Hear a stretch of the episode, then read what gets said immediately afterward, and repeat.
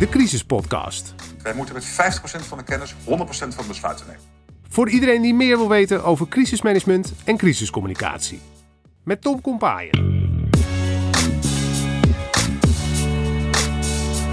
Business Continuity Management. Wat is het? En wat heeft het met crisis te maken? En hoe pas je dat naartoe in de praktijk bij een crisis?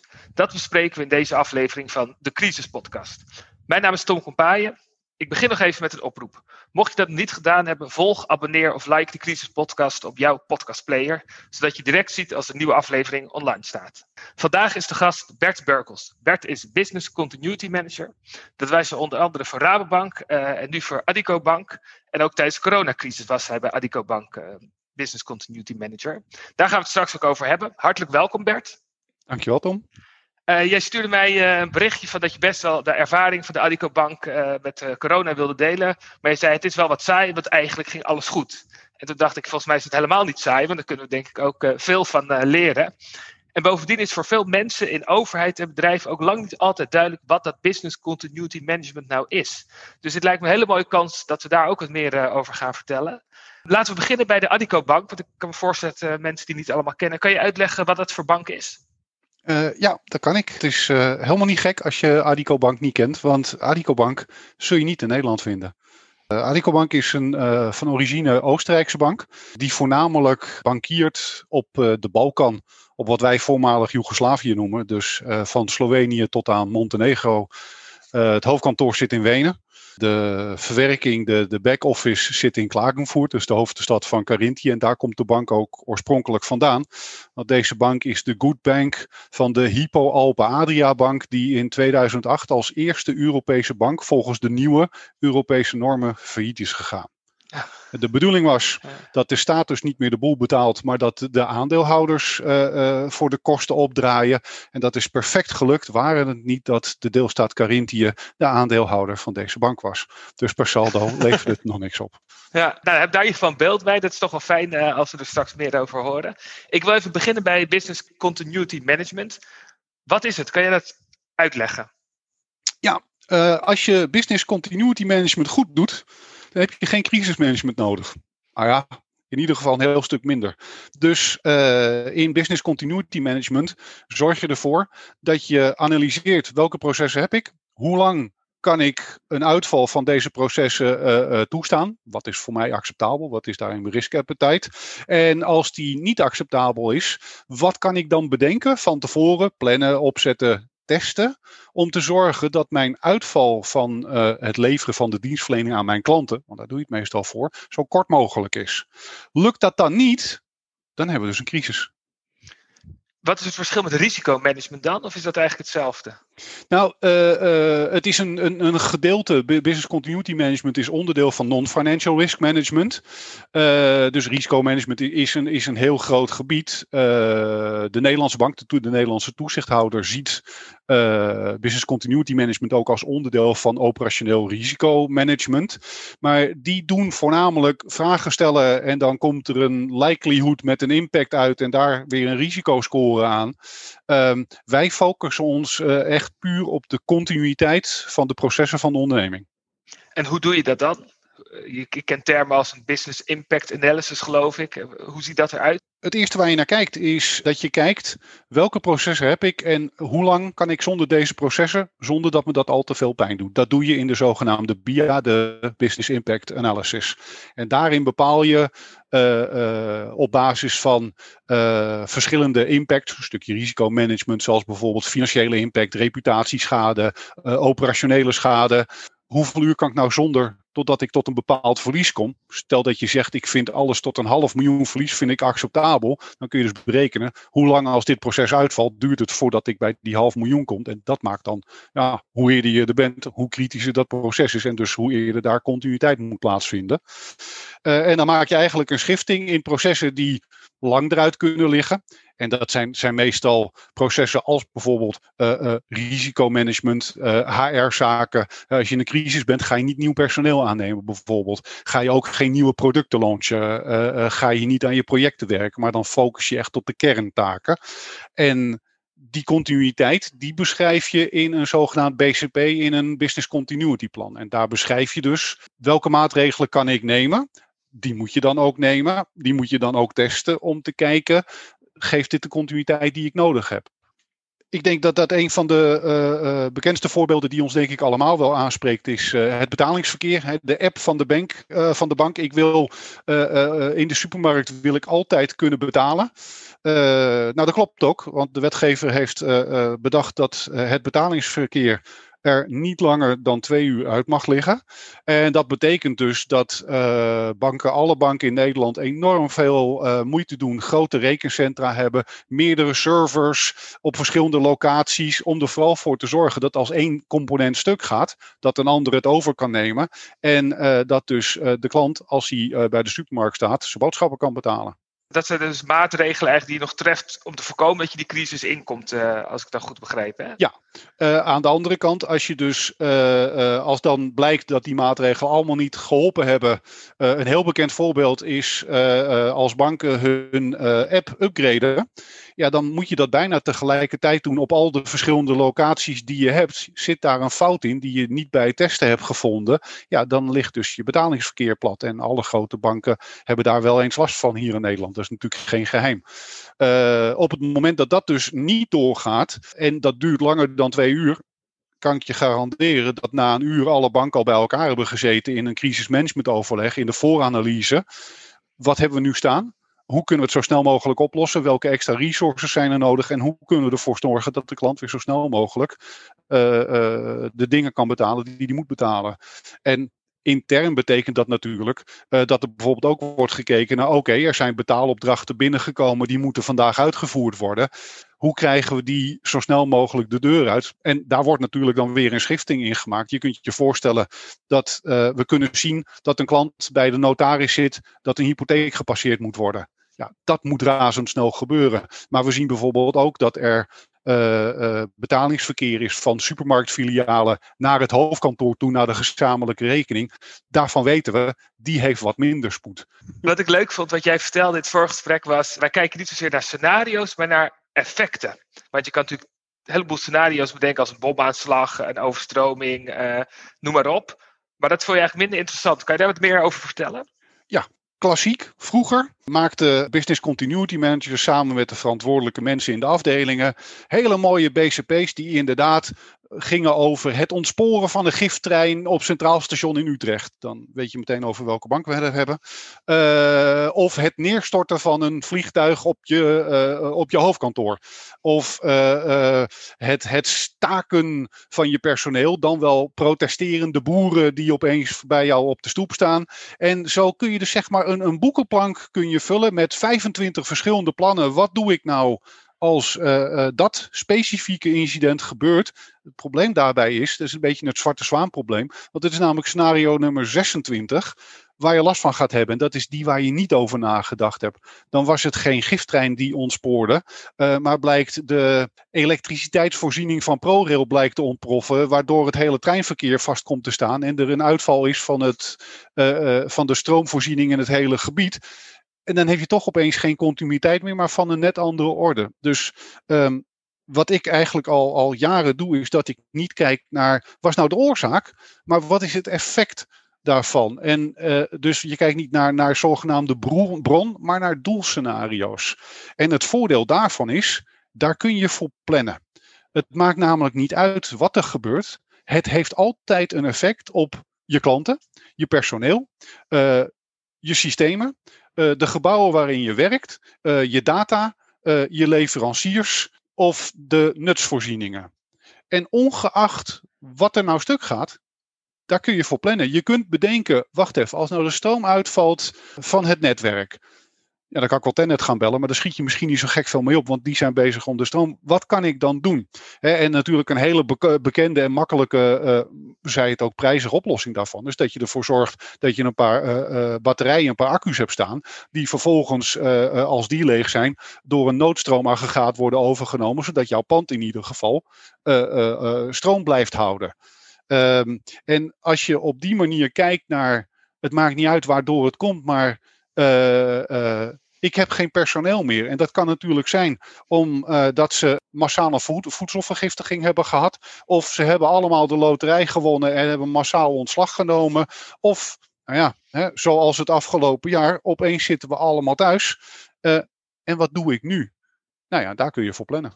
En, Mooi, uh, vind ik een heel mooie, uh, mooie tip ook. En uh, als we dan naar die coronacrisis gaan met de Adico Bank, hadden jullie dus ook een aantal van die nou, doelscenario's die in werking gingen, een aantal vaste zaken vielen uit. Kun je uitleggen wat er toen gebeurde bij jullie? Ja, de coronacrisis was natuurlijk niet een standaard crisis zoals we die allemaal kennen. Want uh, de, de, er is uh, opeens gebeurt er wat met hele grote gevolgen. Dat zagen we van tevoren niet aankomen. En uh, nou, dat kan de ontploffing bij Shell bij de Moerdijk zijn. de helikopter die tegen de zendmast in de, in de Betuwe aanvliegt. een dijk die doorbreekt. of zoiets als 9-11. Um, ehm, dat zie je allemaal niet aankomen. En als je daarvoor gaat plannen, dan uh, uh, lachen mensen je uit. Nou, ik kan je garanderen dat als je probeert voor een pandemie te plannen, dat mensen helemaal hadden gezegd tot anderhalf jaar geleden: joh, ga nou weg, man, dat doen we toch niet? Uh, want wanneer gebeurt hier dat nou? Maar deze zag je aankomen. Hè? Vanaf januari, februari werd al heel duidelijk van er gaat iets gebeuren en we gaan naar huis gestuurd worden. Dus op vrijdag 13 maart deden wij een uh, test van ons uh, crisiscommunicatiesysteem. Uh, waarbij we iedereen wilden informeren middels app, sms, e-mail en telefoontje. Blijf thuis. Nou, zondags de 15e gebeurde dat ook daadwerkelijk. Dat de regering in Oostenrijk iedereen voordoneerde om thuis te gaan zitten. Nou, wij hebben daar software voor. Uh, die ons daar uitstekend bij helpen, we met één druk op de knop alle 130 man in één keer konden informeren middels zowel telefoontje, app, sms als e-mail. Van jongens, morgen mag je tot 12 uur op kantoor komen om je spullen op te halen. Daarna blijf je thuis. Voor de komende twee weken dachten we toen nog heel naïef, hè, want zo werd het initieel gebracht. Um, nou, we zijn nou toch ruim een jaar verder. Bleek toch iets langer te duren. Dus nou was het goede. Dus... Het effect was, we kunnen ons gebouw niet meer gebruiken. Als je kijkt naar die scenario's die jij net De gebouwen werden formeel door de overheid gesloten. Dus ja. uh, nou, dat was iets waar we uh, gelukkig al rekening mee hadden gehouden. Wat je ziet dat bij de meeste banken, die uh, hebben wel iets van een werkplek uitwijklocatie. Maar die is doorgaans maar geschikt voor, nou, 10, maximaal 20 procent van personeel. Want wat ik net al uitlegde, HR hoeft niet door te werken. Uh, dus die zitten niet op de werkplek uitwijklocatie. Maar we, goed, we wisten, we moeten van thuis gaan werken. Dus dat betekent dat we in de uh, eerste twee weken van maart eigenlijk niks anders hebben gedaan dan de bevestiging van onze IT-leverancier. Kunnen jullie zoveel mensen aan? En waren andere van de effecten ook nog zichtbaar? Dus je, je mensen had je nog wel, neem ik aan, allemaal? Of was er ook dat misschien wel 20% van de mensen uitviel? Dat, zijn dat soort scenario's niet uh, aan de orde geweest? We hebben wat dat betreft um, enerzijds mazzel gehad. We hebben natuurlijk anderzijds ook, ook, ik denk gewoon ons stinkende best gedaan. Maar ja, wie heeft dat niet om, om uh, het personeel te informeren over, uh, nou ja, ik zou bijna zeggen, uh, Rutte's bekende mantra, hè, anderhalve meter afstand, handen wassen, masker op. Nou ja, da daar is in ieder geval de juiste modus in gevonden. ik denk ook dat mensen in het begin hartstikke bang waren. plus dat ik wel moet toegeven dat het personeel wat wij in Oostenrijk hebben werken, is eigenlijk allemaal hooggeschoold, senior experts, uh, niet dom. Um, dus die wisten ook wel wat ze moesten doen.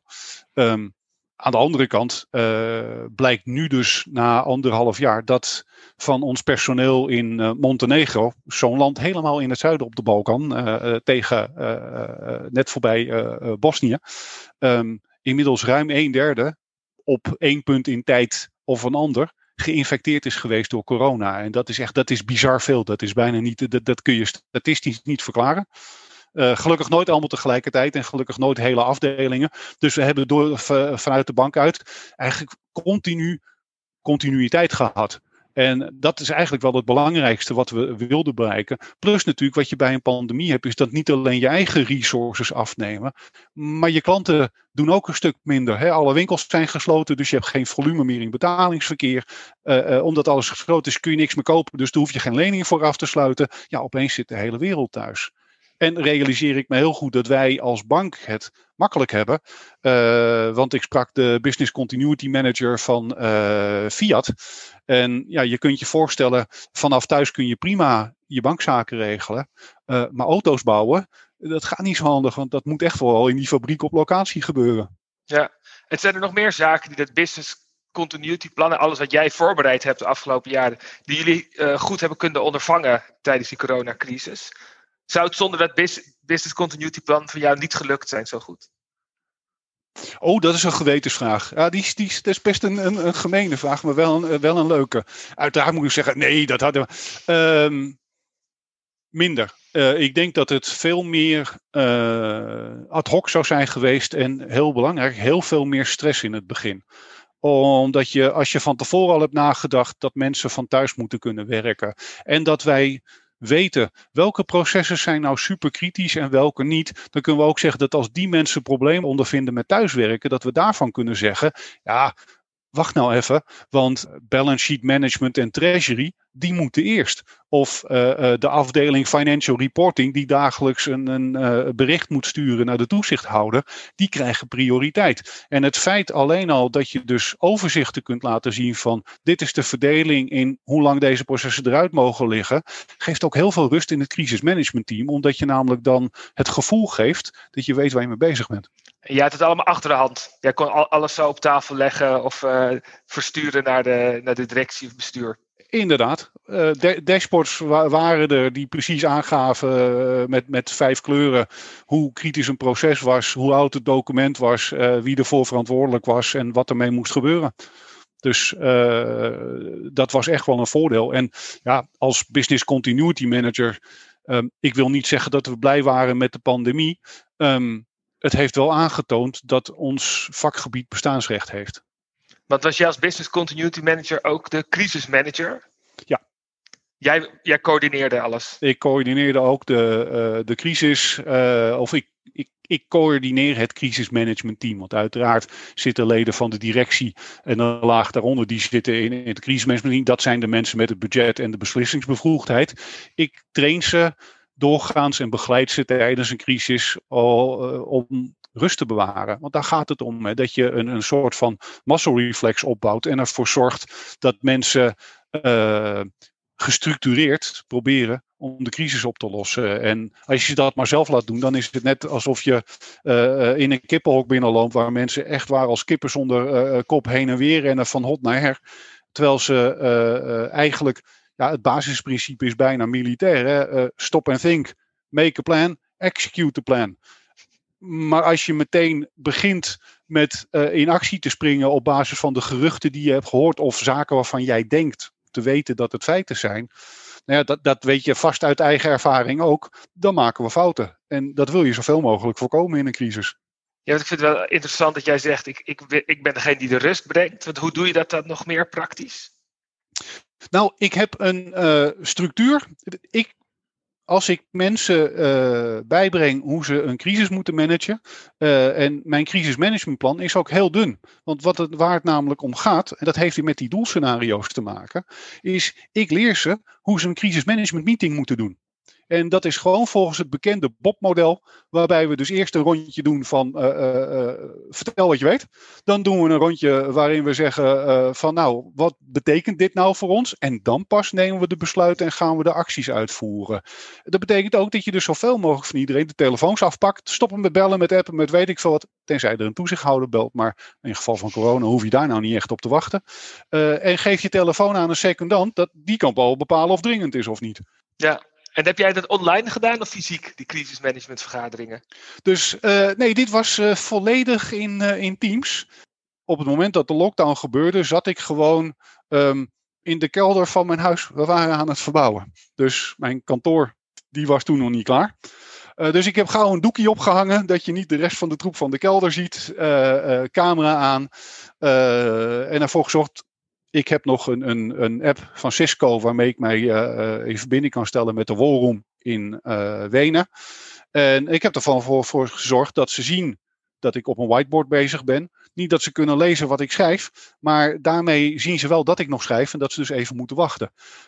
En vervolgens van daaruit gewoon met iedereen de ronde gedaan om de crisis te managen. En naarmate de tijd natuurlijk vorderde en we op, uh, konden overstappen op Teams, omdat iedereen dat had, was het zoveel makkelijker. Want de knop van mute all is echt briljant. Hè?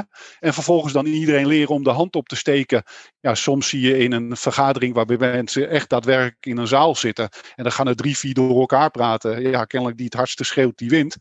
En ja, wat is er nou mooier dan nu dat je gewoon met één druk op de knop iedereen kan muten. Je gooit je eigen microfoon en zegt, jongens, dit werkt niet. We gaan even weer structuur aanbrengen. Ja, dat is geweldig.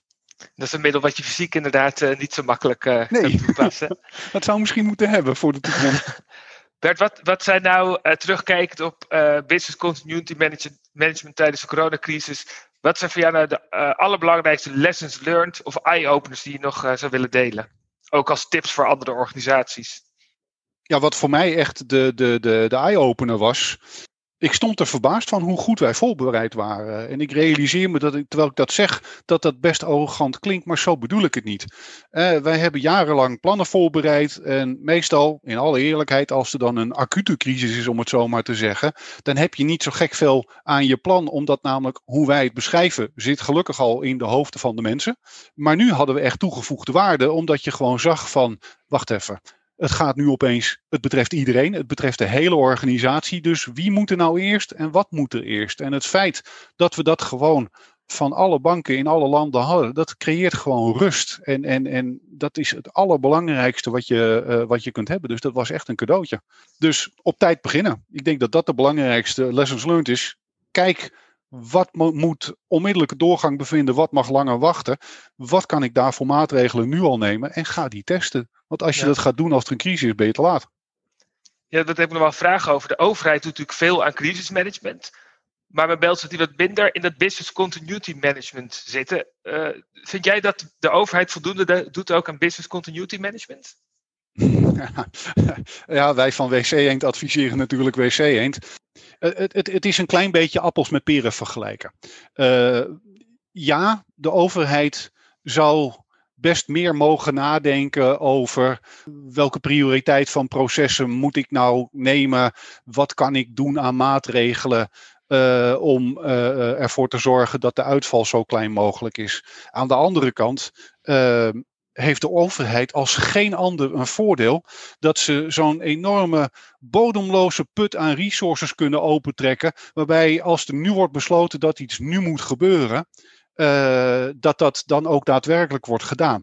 Plus dat je natuurlijk wel heel duidelijk verschil moet maken over welk niveau en welk type van overheid we uh, uh, het hebben. Want ik weet bijvoorbeeld dat de dijkbewaking bij de waterschappen in Zeeland, die zijn uitstekend. Die hebben plannen, dat is allemaal berekend, dat is getest, die hebben maatregelen, dat staat allemaal kant en klaar op de plank het zou meer iets zijn, zeg maar, voor ondernemingen. En met name ondernemingen die niet de verplichting hebben tot het doen van business continuity management. Die zouden zelf wat meer na moeten denken of kunnen nadenken. En dat hoeft niet eens zo duur te zijn over, zelfs al ben je, nou, een bakker. Mijn bakkerij vliegt in de fik. Uh, uh, ja, waar ga ik nou mijn brood verkopen? Ja, als je daar geen maatregelen op neemt, dan ben je, ben je opeens out of business. Ja, dat, dat brengt me bij de laatste vraag. Uh, als mensen nu luisteren en denken, ja, ik wil met business continuity management aan de slag, waar moet je beginnen? Ik denk dat het uh, allerbelangrijkste is dat je nadenkt over wat doe ik in, in, in, in mijn geval, in mijn onderneming, wat zijn mijn processen. En maak daar een verdeling in over hoe lang zou ik nou zonder kunnen. Voordat het echt pijn doet, voordat ik failliet ga. Uh, en dan ga je je eerst eens focussen op die waarvan je denkt, ja, daar, daar kan ik echt niet zonder. Zeg eens, nou, oké, wat kan ik voor maatregelen nemen? Waarbij je natuurlijk ook moet realiseren dat in heel veel gevallen er geen maatregelen mogelijk zijn. Bij banken, als de ICT uitvalt, natuurlijk kun je steeds meer ICT bouwen, maar als de ICT uitvalt, ja, de tijd dat je vroeger een papiertje naar de beurs kon sturen uh, om een opdracht te laten uitvoeren om aandelen te kopen, ja, dat is al lang niet meer. Dus dan zit je met de armen over elkaar. Dus ook weten wat je niet kan en waar je de keuze maakt om geen continuïteit te hebben, biedt ook al heel veel rust. Maar focus op je kernprocessen. Heel hartelijk dank Bert voor deze mooie lessen, uh, tips en de mooie voorbeelden die je met ons uh, hebt uh, willen delen. Um, dit was de laatste aflevering van de Crisis Podcast voor de zomer. In juli en augustus hebben we een zomerstop. Maar begin september zijn we terug en staan al een aantal hele mooie onderwerpen op het programma. Zoals een oud-journalist van de NOS die vertelt over het perspectief van de media bij een crisis. Uh, we uh, spreken over de aanslagen in Stockholm met iemand uit het crisisteam daar. We praten over ethiek in de crisiscommunicatie en of weten ook verantwoordelijk maakt. We spreken met de tante van Ruben, het jongetje die de vliegramp bij Tripoli als enige overleefde. We gaan het hebben over data en dashboards bij crisis. En we maken zelfs een uitstapje naar een Keniaanse die ondernemer is in sieraden. En met een uh, opeenvolging van crisis te maken kreeg. Dit allemaal dus na de zomer. Uh, de Crisispodcast is te beluisteren op alle bekende podcastplayers, waaronder Spotify en Apple Podcast. Ken je nou iemand die ook geïnteresseerd is in crisiscommunicatie en crisismanagement? Deel de podcast dan met hem of haar. En luister je Apple Podcast. Leuk als je een beoordeling plaatst. Voor nu bedankt voor het luisteren. Een hele fijne en ook rustige zomervakantie. En tot september.